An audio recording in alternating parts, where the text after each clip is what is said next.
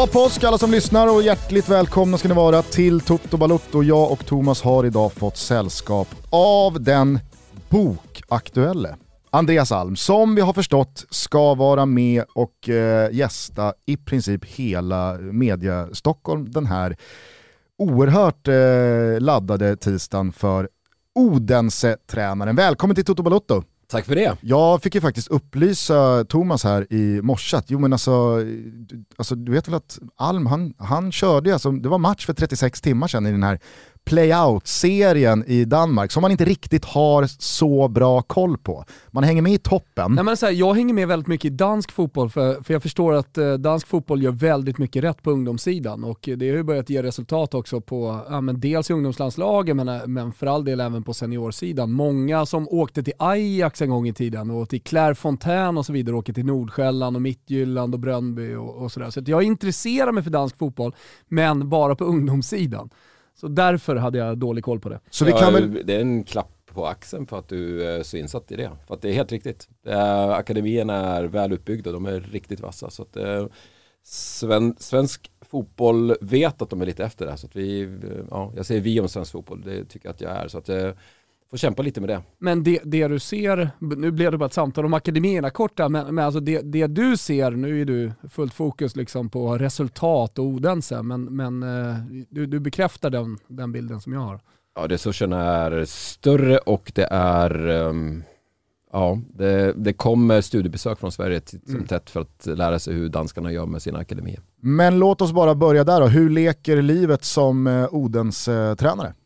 Det är som du säger, det är en vecka, det var tre matcher. Så att, um, Då passar du på att pipa till Stockholm och Ja, ja det var li lite privat men också des, detta. Uh, så att uh, det kan man göra på ledig dag. Jag har uh, Vejle spelade igår som vi ska möta på torsdag så den matchen har jag sett och den har analyserat och vi har nyss mött dem. Så jag, jag känner mig väl förberedd. Jag har dessutom ett flyg hem. Men vi är i den så kallade play down sa du det? Eller play, play out. Play out. Lite hockey. Kvalifikationsserien som det heter. Ja precis. Uh, så att vi ska undvika de två sista platserna och kommer du då sjua Alltså överst i den playout, bäst av de lagen, så får du en playoff-match mot fyran om en plats i Europa. Mm. Så när vi ser med final i kuppen och vinner, det, det goa i Danmark, om du vinner kuppen så har du direkt plats i gruppspel i Europa. Men att eh, hålla på och halvera en tabell och ha en playout-halva och det blir lite slutspel och sådär, är det en frisk fläkt för dig som länge har varit i svensk fotboll eller skakar du bara på huvudet åt ett sånt här system?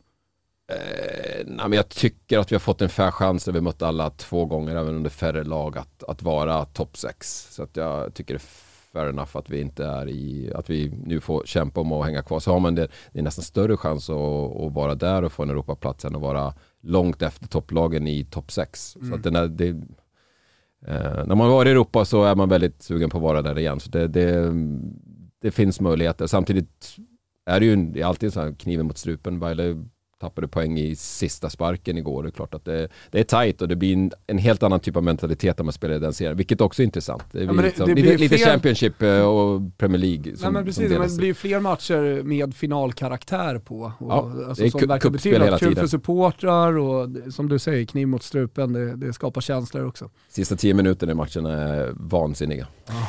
Eh, för alla de som behöver en eh, svensk parallell för att förstå Odenses plats i den danska fotbollsnäringskedjan kan du likna er tabellposition och er hierarkiska status med ett svenskt lag och vad det i sådana fall skulle kunna innebära i en allsvensk tabell? Ja, då får ni hjälpa mig. Ett, ett lag som de senaste tio åren utifrån de ekonomiska resurserna har underpresterat, som är ensam i sitt område, som inte har något derby att spela Uh, och som har en, en tidigare en, en lång tradition. Uh, kända för att spela ganska så, um, ja nej men har, har en god supporterkultur men det finns också slipsar och spelar en uh, ganska så trevlig fotboll. Jag tänker spontant Halmstad eller Helsingborg?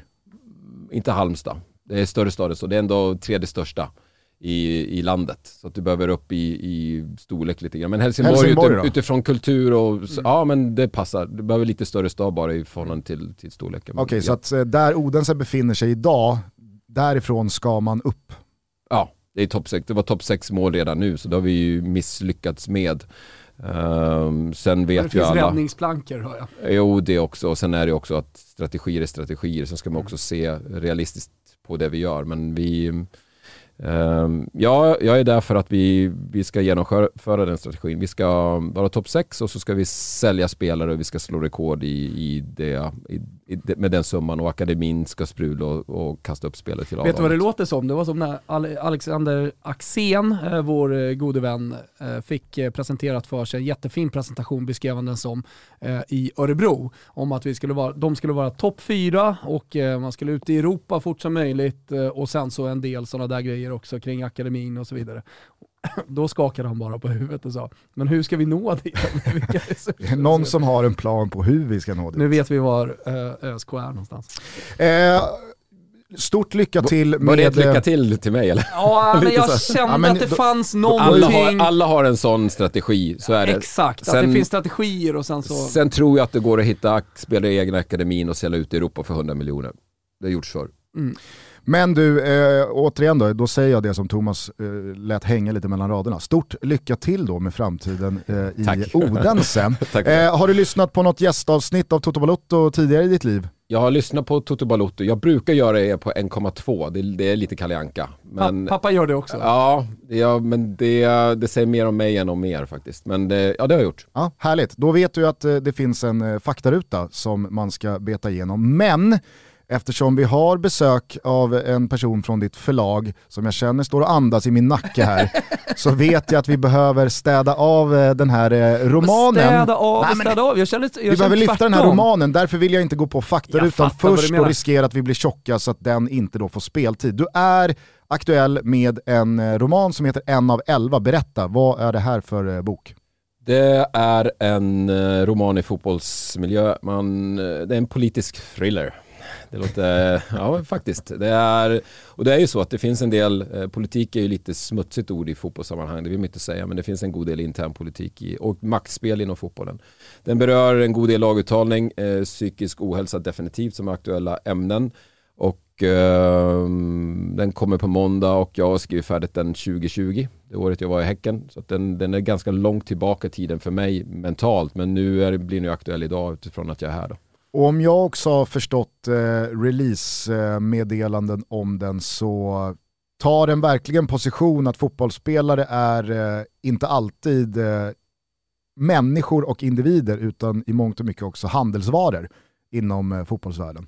Ja, det framgår definitivt. Så, så är det. Så det... Men när man, när man läser den här boken, jag tänker vilka riktar den sig till? Alltså om man bara vill uh, ligga i solstolen, jag menar sommaren närmar sig och sådär, uh, och läsa en god bok. är, den, är det en sån bok också? Du, absolut. Du kommer, Spänningsroman. Det, tråkiga är att jag, jag är ju ruskigt dålig säljare. så, men jag, ja, jag känner mig jag... inte helt övertygad än om att lägga mig i solstolen och bläddra i den. Men här får du plugga lite men mer. Då är du ju lagom fotbollsintresserad också, om du säger så, skulle jag säga. Men, um, om Fotbollsintresserad och vill ha lite spänning i en bok? Ja, framförallt flytta, flytta dina positioner rent sådär, vad du, vad du tänker och känner. Jag tror det är stor igenkänning för er. Mm. Alltså, ja men okej, okay, det här har jag också varit med om nästan och mm. så kan det vara. Så att just dimensionerna på olika situationer och det som är i fotbollen, det är när jag har möjlighet att skriva så är det klart att det är inte jättemånga som skriver prosa som är aktiva tränare, så det blir en annan vinkel på det. Vad var ditt största syfte och din största drivkraft med att skriva boken? Var det att liksom leva ut din inre författare och skriva skönlitterärt eller ville du utbilda eller ville du lyfta frågor för diskussion? Eller? Jag hade två faktaböcker först, en om laguttagning som är ganska lite beforskat och sen hade jag en om psykisk ohälsa inom fotbollen och så satt jag med de där två. Det är ganska tungrot och det blir mycket så här att lära ut när man skriver faktaböcker. Det har jag gjort förr. Eh, så att eh, därför slog jag upp den till roman. Jag tror att det är ett bättre sätt att få människor att eh, Um, att gilla och tänka själva runt det. det är ofta när du skriver faktabok, så ska du, eller biografi för den delen också, ska du berätta om hur du är eller du ska berätta om hur någonting förhåller sig. En roman, då, då hamnar det i läsarens händer så kan den, läsaren kan skapa så mycket mer utav situationerna som uppstår i boken och lägga till sina egna erfarenheter så blir det, det blir tusen olika upplevelser istället för en där jag berättar hur saker och ting är. Så att det är mer ett välkommen in till att så här kan fotboll vara, vad kan vi, kan vi snacka om det här? Tror du att det är den första av flera romaner du kommer skriva i ditt liv eller känns det som en Eh, engångsgrej? Alltså jag, nu var det ju ett pandemiår som jag, jag skrev den. Ehm, så att jag hade ju möjlighet där. Det behövde både, både terapeutiskt och utifrån att, att jag hade tiden lite mera. Så att det kommer nog inte hända på, på ett tag. Men det finns sidokaraktärer i boken som definitivt kan vara en uppföljare. Men um, vi får se. Finns det karaktärer i boken som är väldigt mycket ett annat namn på faktiska, verkliga personer som alla vi fotbollsintresserade människor här i Sverige nog har en bild av? Det tror jag att du kommer uppfatta. Det tror jag. Sen, sen är det så att... Ja, som du Man vet att Patrik, vad heter Patrik Mörk i boken? sen, sen, kommer du, sen kommer du kunna korsa tid och rum lite. Alltså jag har ju korsat tid och rum och personer så det blir ju en mix av saker. Men du kommer definitivt eh, utifrån de som du stöter på att, att hitta karaktärer och situationer också som är intressanta. Nu känner jag mig peppad Ja, på jag att känner mig lägga mig i eh, hängmattan och Nej, läsa Det är den här. lite, jag känner mig lite sliske som sitter och säljer in, men det Nej, är det det man ska behöver göra. inte. Det, det, är en, det, är, um, det är en bladvändare. Men eh, när Det kommer är en boken ut? bladvändare, hörde du nu? Ja, det är ja, en det- riktig Ja, det- jävla bladvändare. Ja, det är bra. När kommer boken ut och var köper man den? Eh, vad brukar det heta? Där, där, där, böcker andra, finns. Där, där, andra, där böcker finns, andra Ja, poddar finns. Alltså, där exakt. böcker finns överallt i, i stort sett. Det är väl. I bokhandeln och, och på nätet och den kommer på måndag. Eh, ska vi nöja oss så och kasta oss in i faktarutan så jag. kanske vi kommer tillbaka till både Odens eh, tränaruppdrag och eh, Vi har ju fått en massa, ska jag säga, vi har fått en massa eh, lyssnarfrågor också via våra sociala medier. Och eh, normalt sett när vi får lyssnarfrågor så brukar de vara ruskigt svaga så vi brukar inte använda dem. Men, men den här gången var det faktiskt många bra frågor. Så Ja, det ska bli kul. Jag tror att Alm kittlar mångas liksom, Ja. geniknölar. Jag tror det. Jag har inte gjort podd. Jag har ju bara gjort Radio Råsunda. Så att det är utifrån att jag tycker att det är obehagligt media. Ja, nej men då, Men ni är behagliga. ja, trevligt. Tack det är ju snälla. radio on demand så att, eh, det är inte så konstigt. Men faktarutan är ju enkel. Eh, vi ställer frågorna och du svarar efter bästa förmåga bara. Eh, fullständigt namn, Gert Andreas Alm. ålder, Ehm, fyller då 49 till sommaren. har vi en analkande 50-årskris? Ehm, kan vara passerad. Den kan vara passerad, snyggt. Hur skulle din bästa vän beskriva dig? Mm, jobbig. Jag pratade faktiskt eh, med eh, vår eh, gode vän Erik Friberg inför det här avsnittet och kände lite honom på pulsen. Vad, vad tycker jag ska ta upp med, med Alm? Och då sa han, han gillar när det skaver i vardagen. Och skaver inte, då ser han till att det skaver. Är Ehm, det lite det du menar med att din bästa vän då skulle beskriva dig som jobbig? Han, min bästa vän, tycker nog att det skaver lite mycket när jag är i närheten. Ja, men lite så. Jag tycker att friktion ger ju värme på något sätt. Det är ju bevisat. Och det, det, jag tycker att konflikter och sånt leder, det är jobbet i början, första sekunden och första tanken. Men över tid så kommer du närmare människor om du, om du klarar att hantera det. Men finns det något exempel på det här eh, Friberg menar? Jag vet inte vad han menar, men han har ju, vi har ju Fast du delat en sitter del här med ett stort erfarenheter. leende och nickar Men jag har igenkännande. alltid leende när Friberg, Friberg kommer på tal. För att det är en, både en fantastisk spelare men också en, en alldeles underbar människa. Men okej, om jag då ska försöka dechiffrera eh, detta så kan det vara så att allt är på topp, ni har eh, två raka segrar och eh, solen skiner på GPA. Då kan du liksom skapa en dispyt och en friktion för att du gillar när det skaver och att ur det så kommer det komma ännu mer värme, eller? Eh, jag skulle vilja säga att i AIK så har du sånt gratis. Du behöver aldrig skapa någonting. Utan det uppstår. Du vet att det kommer. Du behöver bara vara Bara förberedd. när vänta. det- Ja, men det, det, så är det. I Häcken så är det lite så att du, du får bättre ta vara på tillfällena. Uh, och tyvärr ibland, jag, jag, inte, jag tycker att det är inte så naturligt att skapa det. Jag tycker inte det ger samma effekt i ledarskapet. Men jag ser varje, varje konflikt och varje sak som sker ser som en möjlighet att, att ta gruppen framåt. För att då får, får både gruppen, ibland så får jag fokus på mig för att gruppen förväntar sig att jag ska göra någonting eller säga någonting och hur agerar vi nu? Vad är vi nu? Utifrån vad, hur jag eh, definierar. Men eh, det kan också vara så att gruppen behöver göra någonting och det blir ett skarpt läge. Och det, Eh, det kan vara så att jag skapar ibland men det kan också vara så att jag har, att jag har highlightat det. Eh, när folk inte har sett. Att det här är en issue för oss. Det är någonting. Det här, är, det här funkar inte. Eller, eh, eller så. Så att, ehm, ja, jag, jag kan finna en del i det. Men jag kan också tycka ibland att när det går extremt bra att det kan vara skönt att stå i andra hörnet och när andra liksom springer iväg och tar sig tröjan och kastar sig i någon form av sälen så kan jag i alla fall stå och titta på och tycka att ja, men vi har lite jobb att göra här. Alltså den här typen av ledarskapstankar eller strategier sådär, är det, är det någonting som du har kommit på själv eller någonting som du har lärt under karriären och, och sådär? Uh, jag har lärt mig att uh, tycka om konflikter. Botox Cosmetic, out toxin A, FDA approved for over 20 years. So, talk to your specialist to see if Botox Cosmetic is right for you. For full prescribing information, including boxed warning, visit BotoxCosmetic.com or call 877-351-0300. Remember to ask for Botox Cosmetic by name. To see for yourself and learn more, visit BotoxCosmetic.com. That's BotoxCosmetic.com. Men jag, också, jag tror också att det, F, anledningen till att jag lärde mig det var att jag tyckte att jag jag gillade det. det. Många gånger så blir det säkert så att ens ledarskap går i hand i hand med vilken typ av person du vill vara också. Inte alltid, inte alltid, men uh, ja, jag, jag, det gjorde ont i mig också konflikter i början tyckte jag. Jag tyckte att det var lite jobbigt, men sen så förstod jag att fasen, jag, nu lyssnar folk. Nu, precis nu när det är här, folk vill veta vad jag säger för, och då blir det också en möjlighet att ta oss vidare. Eh, när man får allas, eh, allas uppmärksamhet så har du också möjlighet att flytta människor. Toto Blutto är sponsrade av Max, Sveriges godaste burgare. Vet ni hur jag vet det? Jo, oh, men det är för att jag är Wilbur José, självklart. Eh, innehavare av Europas kanske klaraste kikarsikte och Dessutom en sanningssägare sedan 1979. Men också för att jag rör mig så oerhört mycket med eh, olika människor, inte minst unga tjejer, som ständigt berättar detta för mig. Ja, men ni vet ju att jag är ledare i fotbollslag. Hem från träningen i bilen, eh, under kupper runt om i landet, på lediga helger. Överallt, mest hela tiden, hör jag tjejerna i laget ropa Max! Max, Max, Max! Ta oss till Max, Wilbur José! Okej okay, tjejer, säg ja då. Okej, okay, tjejerna kanske säger Thomas, men ta oss till Max. De har Sveriges godaste burgare. Hela tiden vill de ha Max. Det är faktiskt helt otroligt. Men det är faktiskt lite extra kul också att ta med dem till Max just nu, för det är ju så att kampanjburgaren Pepper Jack and Chili för tillfället gästspelar på menyn. En riktig kanonburgare om ni frågar mig.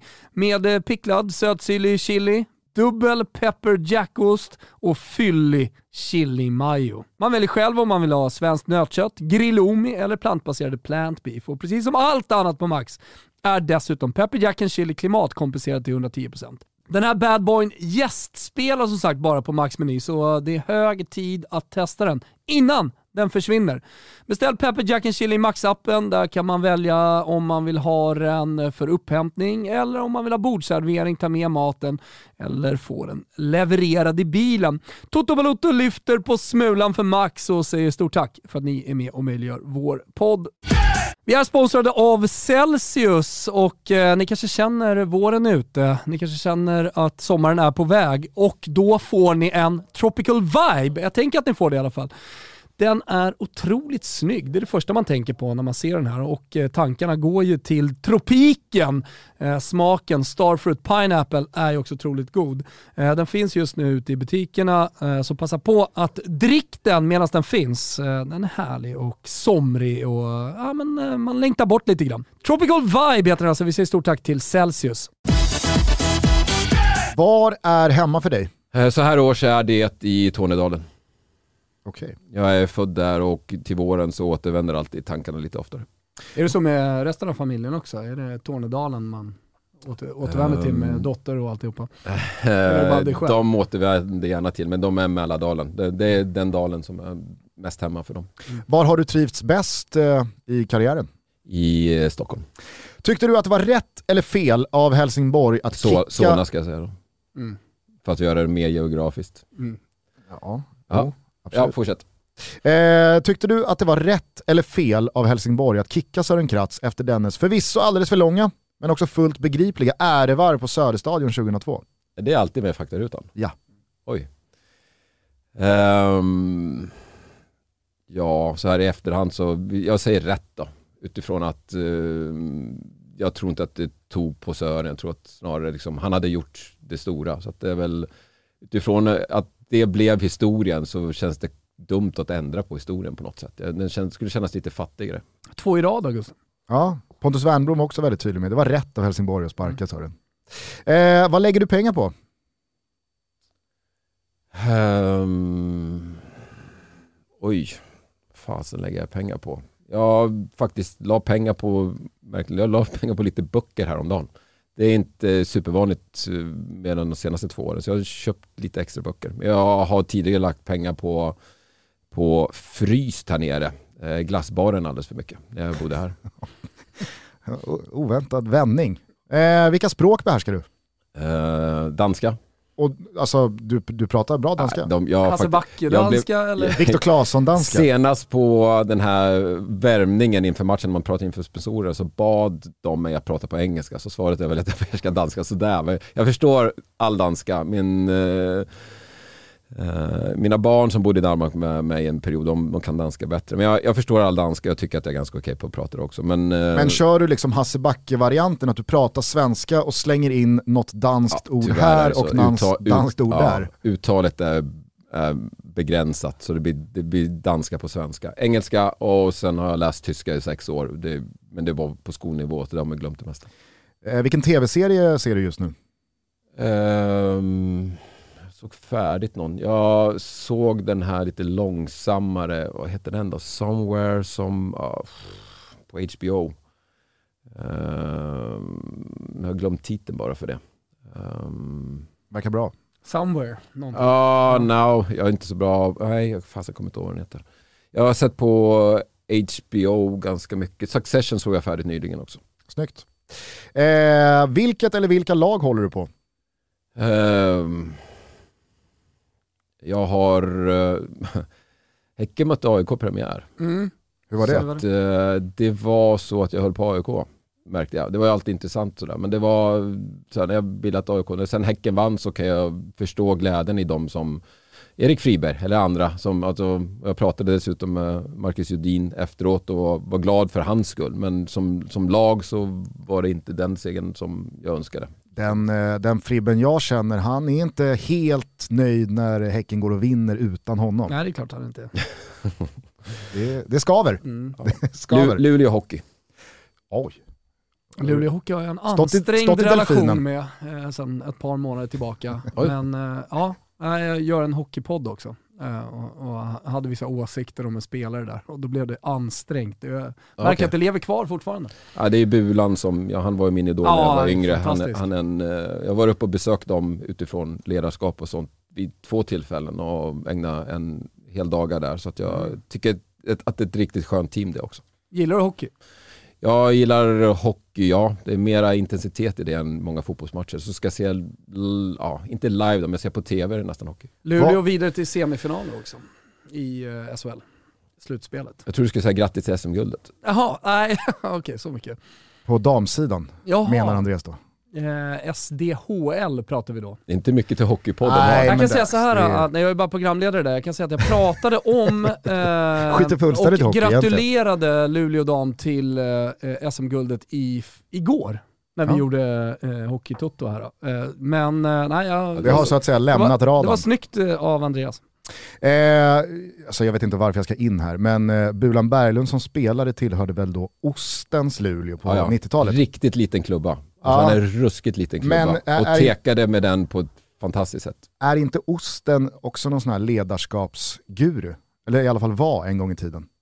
Som har spritt sig eh, även utanför hockeyn. Det tror jag att Jo, det skulle jag vilja påstå. Eh, skit i det. Eh, när du tänker på Zlatan Ibrahimovic, vad tänker du på då? Ja, bäst. Det är det första ordet jag tänker på. Bara bäst. Bara bäst? Ja, alltså se bäst ut, tycker han är bäst och är bäst. Ja, det behöver väl inte vara konstigare än så ibland. För eller emot pyroteknik? Ha. Ja du. Är det mycket pyro i Danmark? Ja, det finns lite. Inte så. Mm. Jag är ju ja, men jag är ju för. Det är jag. Men du sa ju inte om det var olaglig eller laglig pyroteknik, så jag säger för. Nej, nej, för. absolut inte. 100% för. Jag tänker också att du hade verkligen ytterligheterna på pyroskalan i dina två liksom, tunga allsvenska tränaruppdrag här. AIK på ena sidan, Häcken på andra. Det är verkligen skilda värden när det kommer till pyroteknik.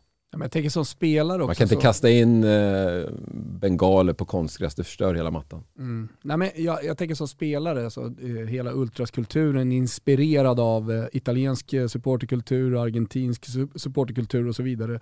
Den, den växte ju sig stark eh, under, under dina fina dagar och, och sådär. Eh, och på den tiden så var det ju bara positivt. Då var det ingen som såg på det negativt i stort sett. Jag minns eh, liksom, gamla Kanal Plus-sändningar där de var så oh, wow, all, alla var bara liksom, positiva kring inramningen. Så det har verkligen skiftat eh, på 10-15 år. Eh, opinionen och sådär. Sen är det ju alltid en, en centimeter ifrån eller en, en, en bengal ifrån att någons jacka tänds på och sen är det liksom en, en tragedi ut, alltså, utan like. Så det är ju alltid den där gräns, gränsen oavsett vad det är. Men eh, vi pratade om laglig, laglig pyro här. Så Sen tycker jag faktiskt, jag vet inte om, om det på något sätt ingår i chefstränarjobbet i AIK, i den liksom utbildningen man någonstans behöver gå igenom för att landa den positionen.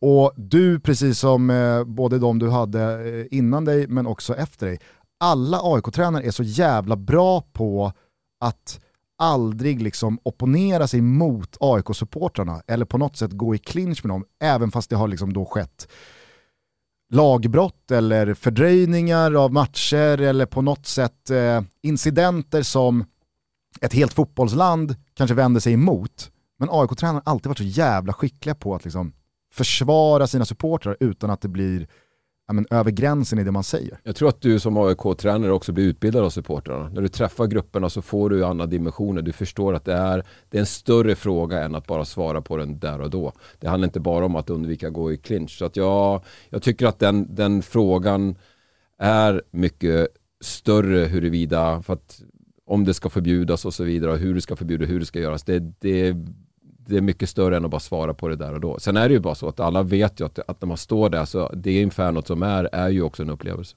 Kan du eh, sakna att vara AIK-tränare? Ehm, jag, när jag kom till Stockholm igår så saknade jag Stockholm. Uh, det har inte varit, jag har inte saknat det på det sättet ännu. Det har inte gjort. Men jag, risken finns väl att man blir nostalgisk här med, med fem, en till 50-årskris eller något sånt. Så det, det kom, jag tror det kommer hända. Det var ju, och det är säkert många som eh, kommer ihåg det som lyssnar på det här, men det var ju en av de mest bizarra upplevelser jag i alla fall har liksom följt från sidan. När eh, du då skulle lämna AIK, Rickard Norling skulle komma in, det här är maj 2016, det var bara några dagar kvar till derby och eh, en samstämmig eh, mediakår hade gjort gällande att äh, men Andreas Alm är sparkad och han ska lämna AIK. Ändå så är det du som leder träningen på Karlberg och det var bara jättekonstigt allting och det var ett enormt pressuppbåd och det, det, det var, det var sådana bizarra dagar.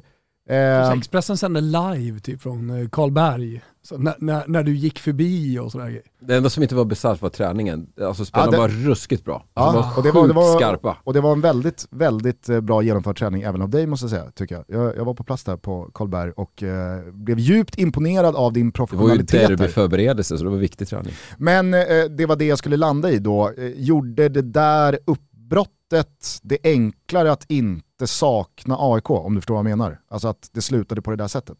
Ehm, jag vet inte, hur tänkte du då att det skulle... Ja, men jag tänker att det, kanske är mig? lättare i Som dig själv ja, att, att inte sakna för att det blev ett ganska orättvist och osnyggt och kanske... För Ja, jag men- tyckte det blev ett bra uppbrott. Det är det som är Okej. skillnaden. Ja. Jag, jag tyckte det gav oss, utifrån det här med konflikt, jag tyckte det gav oss bra tillfälle där att förbereda oss och liksom, att det här är också en, en del av det. Vi satt ju i samling och hade genomgång med, på bilderna när det rullade in den ena tv-bussen efter den andra. Och så sa jag till spelarna att bara så ni vet att idag är det, ni får ursäkta men idag är det inte ni, idag är det jag. Så att, eh, Var vi- du sparkad då? Nej, nej, nej. Nej. Absolut inte. Absolut inte. Men det är ju så alltid att eh, när det kommer ut i tidningen så många gånger så är det bara för att lägga tränaren i blöt. Eh, så ska man mjukna lite grann och så ska alla liksom inse att det här är redan gjort och sen kommer beslutet efteråt. Så det var väl lite så. Men eh, nej, absolut inte. Då hade jag inte gått ut. Du... Jag hade aldrig lett laget om jag, om jag inte hade haft ansvar för det. Nej, Men så länge jag har ansvar för det så då är jag där. Det är viktigt. Nu säger du att eh, det var ett bra uppbrott. Jag kommer dock ihåg när vi satt här eh, ett knappt år senare med Björn Westström, eh, då sportchef i AIK. Det här var alla hjärtans dag 2017. Så Jävla att, minne. ja, ett, ett knappt år senare. Och då pratade vi eh, om den här eh, tiden också med honom och då sa han, jag tror inte att jag och Andreas kommer fira midsommar på ett par år. Som att ah, men vi, vi, vi, vi kanske eh, hade det lite kämpigt där och då, men nu är ni återförenade i Odense så att det verkar ha runnit en Det del är midsommar. Utan att fira midsommar de två åren. mellan, ja, Ja, så det fick han väl rätt i Björn. Nej men där har, alltså, allt var bra och allt har varit bra. Han har ju i stort sett förföljt mig. Jag visste inte att han skulle komma till Danmark utan det är ju någon annan som har gjort rekrytering. Men där, jag tycker ju att hans, hans, han gjorde ju rätt när han sparkade mig. För att hans jobb är att sparka tränaren om man tycker att det är det bästa för klubben. Och jag har alltid hyllat det som är, om man gör sitt jobb 100% och sen spelar det ingen roll hur tajt du var innan, vad du lyckas göra tillsammans innan och så vidare. Då ska du göra det. Eh, så att det är väl där vi är någonstans idag också tycker jag. Att, att kunna jobba armkrok men samtidigt kunna göra det med att använda armbågen ibland mot varandra också. Det, jag tror att det är det bästa. Och det går väl lite grann på den här med friktionen också. Finns den här scenen på något sätt eh, Lite ja. återgiven i eh, ja, boken? till- till- ja, det, det, är en, det är en stor del av, en av karaktärerna är ju en tränare och den andra är en spelare i samma lag. Och just det här maktspelet som är runt en tränare som, som inte har de resultaten som, eh, som klubben önskar eller supportrarna önskar, det, det finns med. För jag tänker att det där måste vara en del av elitfotbollen som är jävligt knepig ändå. I synnerhet när det kommer till ett fotbollsland som Sverige där man alltid har haft en betydligt mer personlig kultur än vad det är utomlands. Där får man ju alltid höra om att nej, men, man har inga vänner, det är inte så att vi umgås i laget utan man kommer till träningsanläggningen, man gör sitt jobb, sen åker man eh, hem och tränaren har knappt någon relation till sina spelare utan det är inte alls som hemma i Sverige och så vidare. Hur är det där att som tränare, dels gentemot spelare men också gentemot sportchefer och övrig sportslig ledning som kanske sitter på beslutet eh, om, om din framtid, att också ha en relation. Det måste ha varit väldigt speciellt där mellan dig och Björn, eftersom ni var så jävla tajta upplevde ju alla utifrån. Ja, men det är Andreas och Björn, de kör Gnaget, men det är hela tiden någon som också i den relationen äger din framtid. Jens T var ju med där också i starten, han var ju Jens sportchef från början. Så det var vi, vi tre där eh, till stora delar. Eh, jag tror att det som, det som är enklast är att, att du, arbetar ju, du arbetar tillsammans med dem men du har ju fortfarande en uppgift och det är ju att arbeta för, för klubben. Det är ju det som är det absolut viktigaste. Så att där får, det tycker jag att man får vara så pass stor och säga att klubben är bara viktigare. Det är Allting som sker på vägen, det är personer men vi kommer också och går. Så att där ska du bara följa det som... Så att jag, har inga, jag har inte svårt att vara eh, ha en vänskap eller en arbetsrelation med människorna väldigt tajt.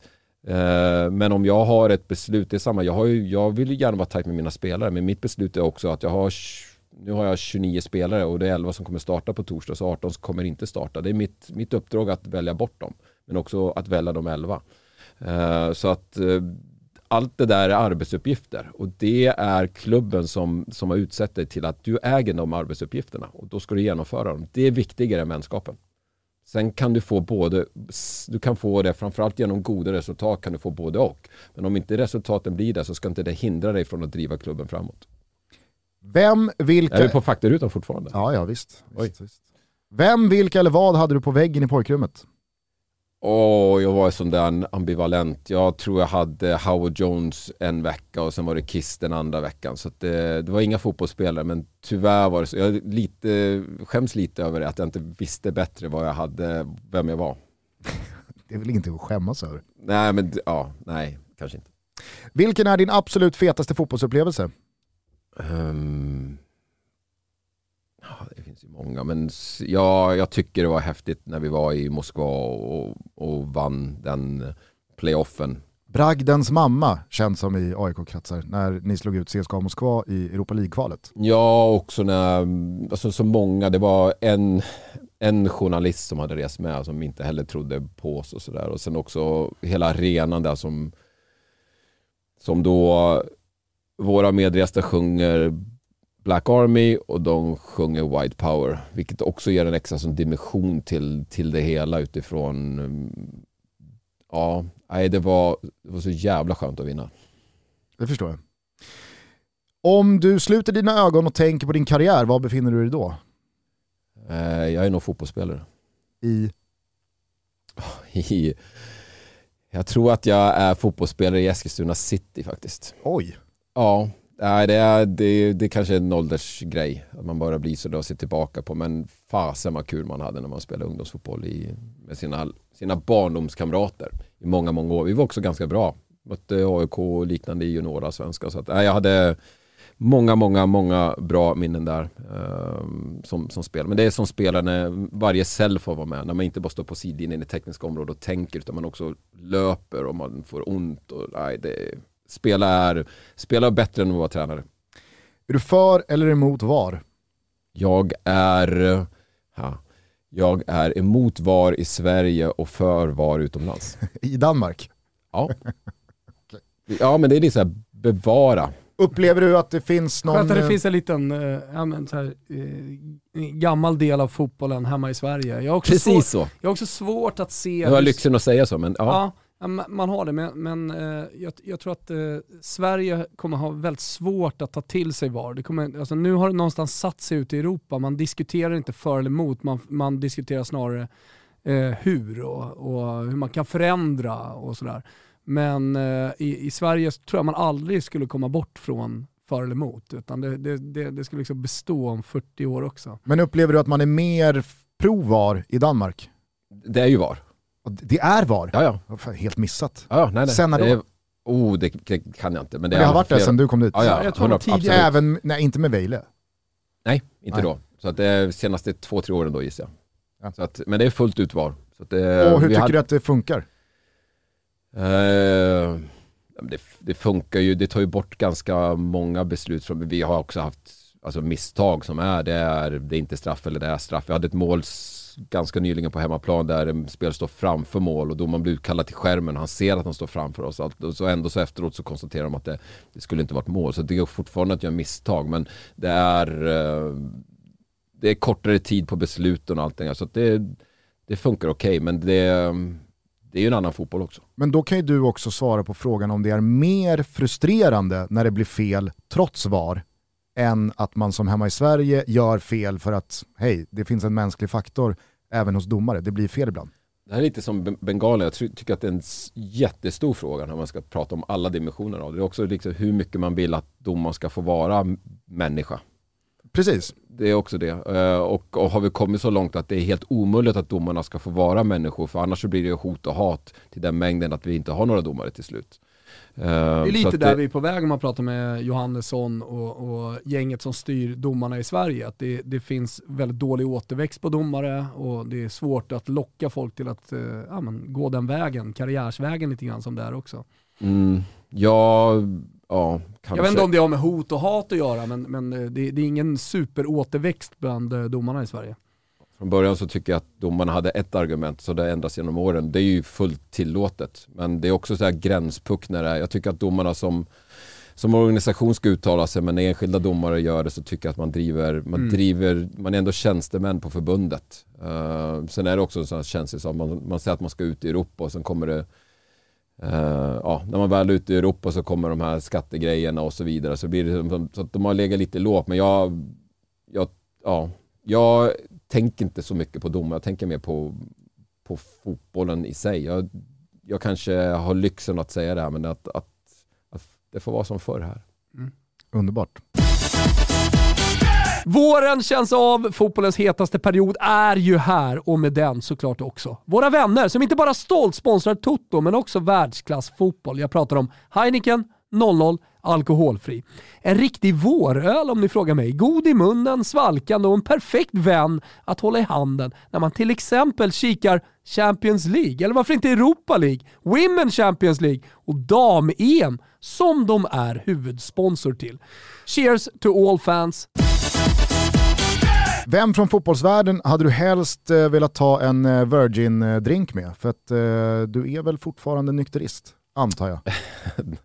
Ja, eh, precis. Jag är inte absolutist. Jag har väl tänkt dricka någon gång. Eh, jag har bara inte kommit på om man ska ta den där första fyllan. Um, det är så dålig timing hela tiden. suger på den. Ja, det är alltid dålig timing tycker jag. Men hur är det i Danmark? Har inte de en liksom, alkoholkultur som är mer internationell om du förstår vad jag menar än den Man svenska får, när får man dricka på öl på, fredagar? jo, jo, man får dricka öl på offentlig plats på ett Mm. annat sätt. Så, så är det ju. Ehm, vem i fotbollsvärlden? Ehm, det ju vara någon... Det känns som att du har en shortlist på personer från fotbollsvärlden du ändå är nyfiken på. Ehm, jag hade nog det lite mer tidigare. Jag tycker att den här pandemin, alltså att vi inte får resa under två år har dödat den listan lite grann. Ja men så har det varit, man hade, ja dit vill och dit vill och dit vill men ehm, Var har du själv varit? Vi pratade om akademierna tidigare och svenska tränare som åker till Danmark och sådär. Har du själv rest och tagit inspiration? Ja, absolut. Eh, Thomas Nordahl och ett gäng aik åkte ner till Italien. Har varit på akademier i norra Italien. Har varit på akademier i Brasilien, i eh, Los Angeles, i, eh, Finns det i någon Portland. plats Över, alltså, där du har liksom hämtat mycket, där, du- där du har blivit slagen av ja, någonting som har påverkat dig mycket sådär, i ditt tränarskap? Jag tycker att det är, jag faktiskt när jag var i Tottenham så fick jag möjligheten att vara i Premier League-laget men jag valde att vara hos akademin istället. Det är många gånger i akademin där, eh, om du är Ajax så är det en, en tränare som har sjuåringar, han har alltid sjuåringar, han går inte vidare med åldersgruppen och då är det klart att han har en otrolig otrolig, eh, ett otroligt hantverk med dem man arbetar. Så att jag tycker att du alltid får, du får bekräftelse på att det du gör är inte så jäkla dåligt. Eh, Men du får också bekräftelse på att du kan, det finns andra saker att göra. Och det, jag kan inte säga att jag reser någonstans där du inte får med dig eh, någonting utav det. Eh, Sen finns det säkert platser, jag kan inte komma ihåg men vilka som varit bättre och sämre. Men så du är inte sugen på att träffa någon och dela en Virgin? Jag hade för ett tag sedan hade jag sagt Nils-Arne Eggen igen, nu gick han bort här nyligen då. Men han, de gånger jag träffar honom så tycker jag alltid att det varit ett eh, fan, fantastiskt samtal. Så att det, mm, det hade jag sagt, men det, får, det är inte möjligt längre. Vi får ses på andra sidan. Som man brukar säga. Favoritarena? Ja, Det blir en död arena då, Råsunda. ja är det en, exakt. Är det en parkeringsplats där nu eller? Vad är Det får man säga. Eller bostadsområde. Men man får ju också svara att eh, Råsunda var ens favoritarena. Ja. Eller fortfarande är. Ja, precis. Det är, um, det är det enkla svaret. Då tar vi det. Yes. Mäktigaste numret du har i din telefonbok? Ehm, jag tänkte faktiskt skicka ut några böcker till folk. Då tittade jag telefonboken häromdagen från A till Ö. Kul! Ja, lite sådär. Och jag drog iväg ett, ett mail till Daniel Ek, men jag vet inte om, om han har samma adress och samma telefon. Jag har inte eh, smsat honom. Jag, Daniel.ek.spotify.com jag kan inte säga vad den adressen är, men vi får se vad, vad som sker med det. Men han, eh, han var ju runt, när, när Micke tränade AIK så var ju han runt AIK där en, en del och eh, har en gång när jag, jag och eh, Jens T stod utanför eh, en arena i Los Angeles och Jay-Z skulle spela så fick vi hjälp av Daniel. Mm. Plötsligt. Vi fick bara ett infall och så fixade han det på fem minuter typ. Så att, ehm, ja, det är, det är väl den ja, Bra svar. Mm. Mycket bra svar. Eh, bästa spelare som du har tränat? Det är sån här som man ska kunna som tränare. Jag tänker aldrig på sådana här frågor. Bästa spelare som man har tränat. Det Finns är väl ett enk- ja, det finns väl ett enkelt Alltså, svar det är- där, det Erik Friberg. Ja, ja utifrån um, mittfälts... Ja. Jag, jag har saknat väldigt många gånger Nils-Erik Johansson när jag har tränat, när inte, han inte har varit i laget. Uh, otroligt, otroligt bra vänsterback. Så. Sen är det ju klart att när man tänker på alltså, vad man gör i träning, det är inte så att han gjorde så här, han, han truskade igenom träningarna. Alltså Så Nisses att- YouTube compilation är ju inte jättebra. Nej, och kanske inte trä, du säger tränat också.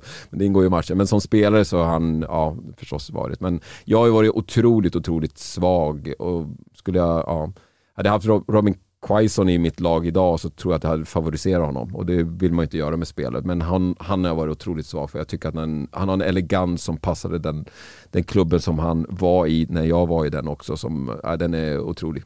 Vilken är den eh, bästa spelare som du har ställts mot? Och då kan du väl tänka både som spelare och tränare. Du får välja från båda hållen. Henrik, Henrik Larsson eh, spelade mot i Kongsvinger, då märkte jag att det var en helt annan nivå. Men ser man just här hemma så, och också utifrån att jag har arbetat med honom sen, så Neboschas kvalitet eh, de åren som, ja, det var, det var också en helt annan nivå än det som fanns i Sverige. Så att han, han hade, jag tycker han hade allt. Jag också lärde mig en massor om spelförståelse eh, genom honom, både på planen men sen också senare. Vilket är det bästa lag som ditt lag har stött på? CSKA Moskva. Som ni slog?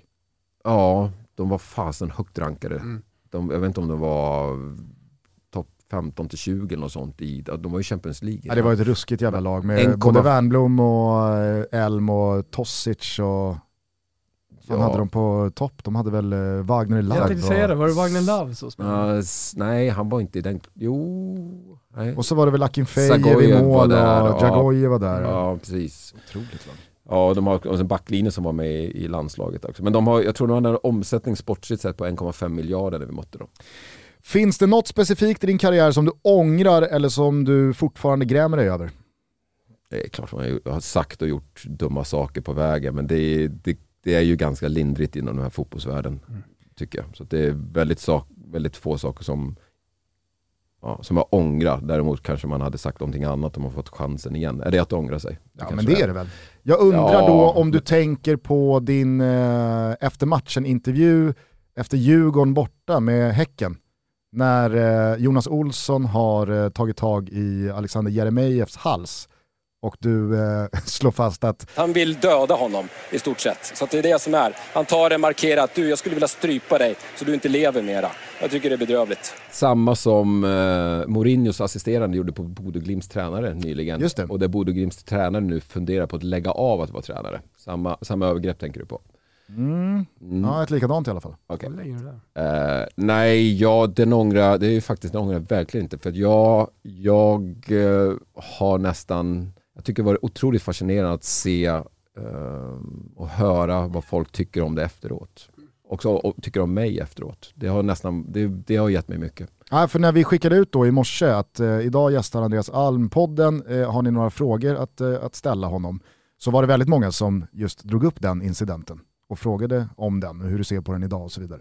Så att, Ehm, den berörde ju onekligen. Ja, nej, det som, man kan ju se det på många sätt om vi inte ska dissekera den för länge. Så det är ju som, jag är glad, alltså, någon borde väl i alla fall vara glad att jag tog fokus ifrån övergreppet. Då blir inte det så mycket fokus, utan det blir mer fokus på att jag, jag eh, folk tyckte att jag överdrev. Eh, men jag är ju, i sådana fall så kan jag vara väldigt bokstavlig där jag tycker att det finns alltid en, en eh, hundradel sekund av ett övergrepp där det finns någonting, en, en, eh, en tillstymmelse till någonting som man vill. Eh, Men jag kan aldrig bevisa att det var så, utan det, det kan ju ingen göra. Nej. Nej, det är väl Jonas Olsson då kanske, Ja, möjligtvis. som skulle kunna gå ut och ge dig rätt. Men det är ju, många gånger är det så också det funkar, att det blir oftast, om du tar ifrån tårna när du säger någonting, så oftast där, det är mer intressant att debatten hamnar där på huruvida jag hade rätt eller inte snarare än på det som skedde. Och det tycker jag faktiskt är, det var bra med det jag sa. För att det är någonting som jag tycker, när, när folk i grupp, jag har ju inte sociala medier men jag gissar att det var, det var den, där det skedde saker. Ja. Men, Viralt eh, blev det. det. Mina barn har visat mig några gånger, det kan jag säga. Men har du pratat med Jonas efter? Nej, Nej. det har jag inte gjort. Nej. På tal bara om Jeremejeff så var det också många som eh, ställde frågan hur du tänkte och kände när eh, ni skulle Europakvala med Häcken och man hade glömt att registrera sin där och då kanske bästa och viktigaste spelare. Eh, Det var en eh, väldigt overklig känsla. Jag hade precis dragit startelvan för, för laget. Där jag fick en sån här, ehm, har du tid en minut? det är en sak som, Var det, var det Sonny som kom in och... och vi var flera där som, eh, ja. Andreas, när det en grej bara. Ja. vi, eh, vi fick, eh, det var Hollands varmaste dag någonsin och vi fick faktiskt 0-0 där borta så vi fick chansen igen. Däremot så tog det nästan hårdare på att han inte kunde vara med i den matchen heller. Det var surt för att jag tror att hemma hade vi kunnat, jag kan ha gjort någonting mer med AZ i alla fall. Numera får man svara Messi eller Ronaldo om man känner för det, så frågan är enkel. Vem tycker du är världens bästa fotbollsspelare? Um, och då ska det vara nästan genom tiden eller just nu. Eller jag, följer, Ja, just nu. Jag, ja, jag följer för dåligt. Jag, om vi stannar på mellan de två då så får jag säga... Nej men du behöver inte välja mellan de två, du får säga precis vem du vill. Ja men då går det ju på någon som inte är bättre än dem men som man tycker är en bra spelare. Jag tycker alla bara alltid har varit bra.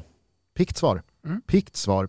Ja, Eh, men vad han har gjort med Real Madrid också. Så, så, så, också sett lite till förväntningarna skulle jag vilja säga också. För det var, om, om, om man kollar på hur världen reagerade lite på Alaba, eller övergången av Alaba, så var det inte att wow, nu blir Real Madrid eh, det där är väl också... superbra här bara för att de värvar honom. Men det, det blev ju en stabilitet i, i Real Madrid som Det eh, där- jag tycker jag Han kan allt tycker jag. Mm. Och det är väl en jävla underskattad Offensiv egenskap. mittfältare i Österrike, och sen ba- mittback. En underskattad egenskap hos spelare är ju att kunna liksom byta land och klubb och miljö och bara gå rätt in och prestera ganska nära sitt max direkt.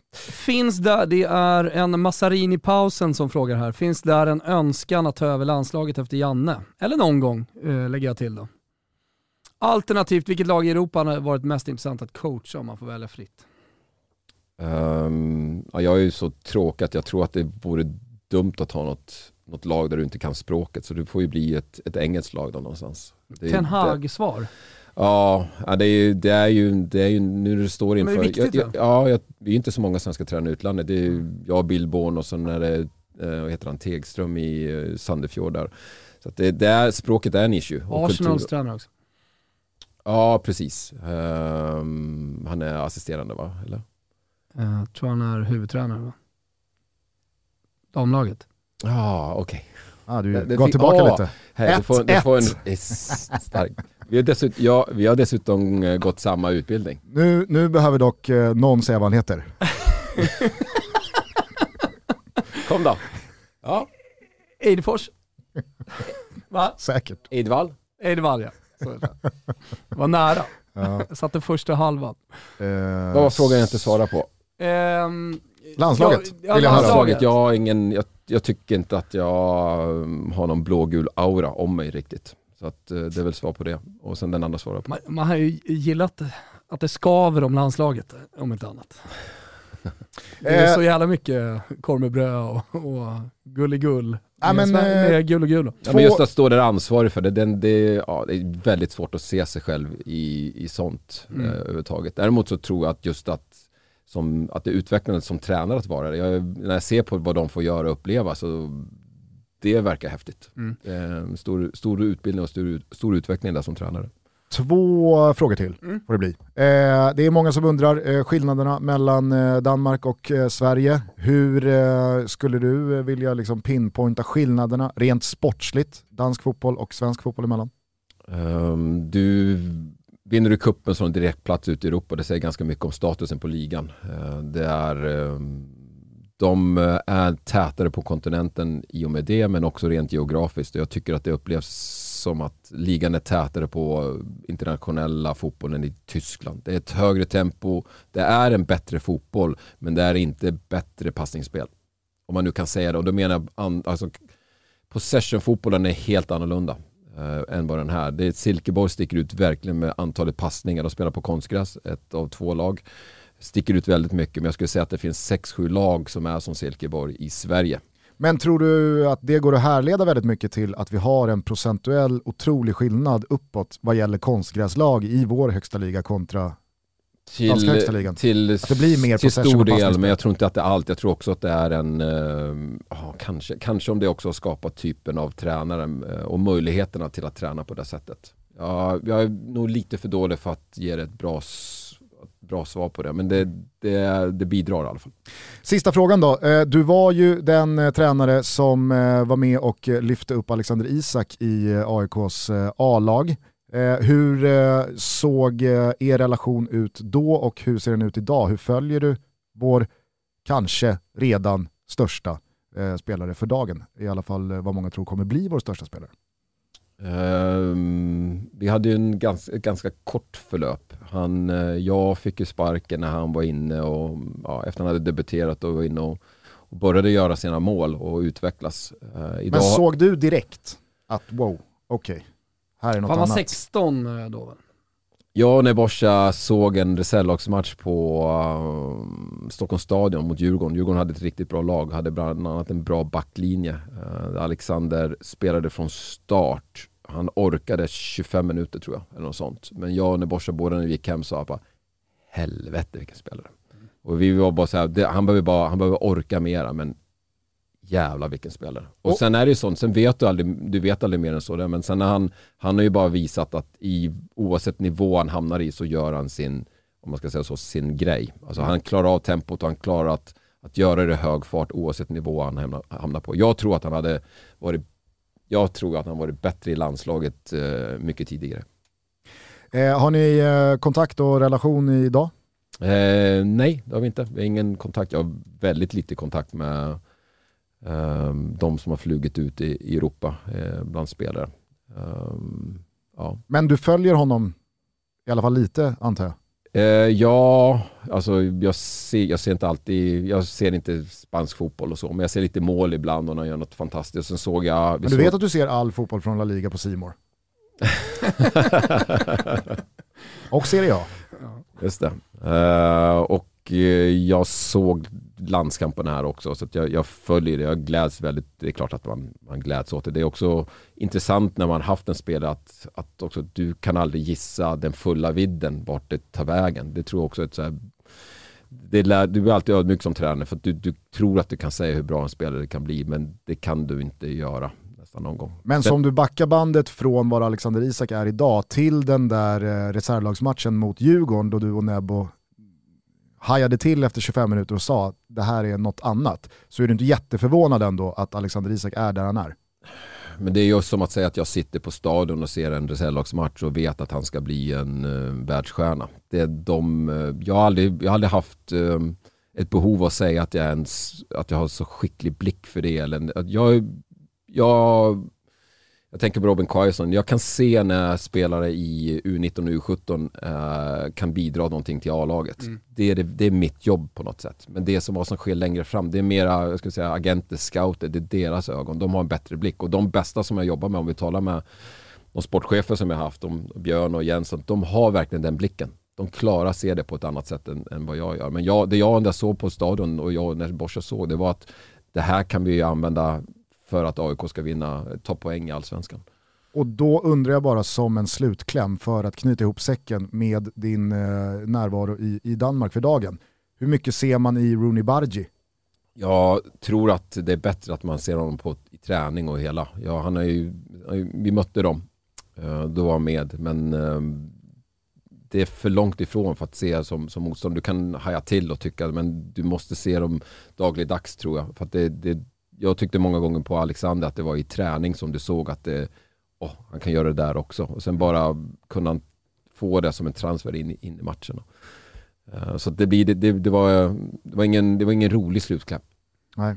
men ändå. Nej men det, det, jag tror att um, FCKs tränare har, han skulle kunna svara väldigt, väldigt tydligt på det där. Att ja, han gör det här och det här också. För många gånger är det saker i träning som, du får inte lika många tillfällen i match att göra det. Men han, när de väl kommer komma de tillfällena, då, då gör han det och då gör han det direkt på, på den nivån. Det är, en, det är en spännande spelare och du ser inte att någonting med åldern när han är ute och spelar där utan det, det är helt klart en bra spelare. Underbart. Eh, på tal om slutkläm, du ska få fundera ut vilken låt du vill avsluta din episod med. Eh, så ska jag bara fråga Thomas om eh, du känner dig nöjd och klar och glad? Eller ja, men, är det jag, jag känner att jag, jag hade kunnat sitta en timme till, eh, men eh, jag tycker att det blev en bra rapp timme. Så eh, jag är sugen på att höra vilken låt vi ska gå ut på här nu. Okej, så ni har fri tillgång, ni pröjsar typ Stim. alla, ni pröjsar STIM, okej mm. då tar vi... Alldeles, alltså, alldeles för mycket pengar för det minsta paketet, det är liksom jättestort. Men eh, för att kunna spela hela låten, vilket är helt onödigt, vi hade kunnat spela 20 sekunder också. Eh, jag tänkte, jag tänker väl inte att musik kanske säger någonting jättemycket om en person, men när eh, Erik Niva är här så är det alltid något suspekt eh, punkband från Malmberget eh, ah, som okay. spelar. Så Då ska det, inte jag, vara lika, någon... jag ska inte vara lika svår. Jag tar något som jag lyssnar på, se, eh, på sistone i bilen. Jag tar um, King of Sweden med Future Islands.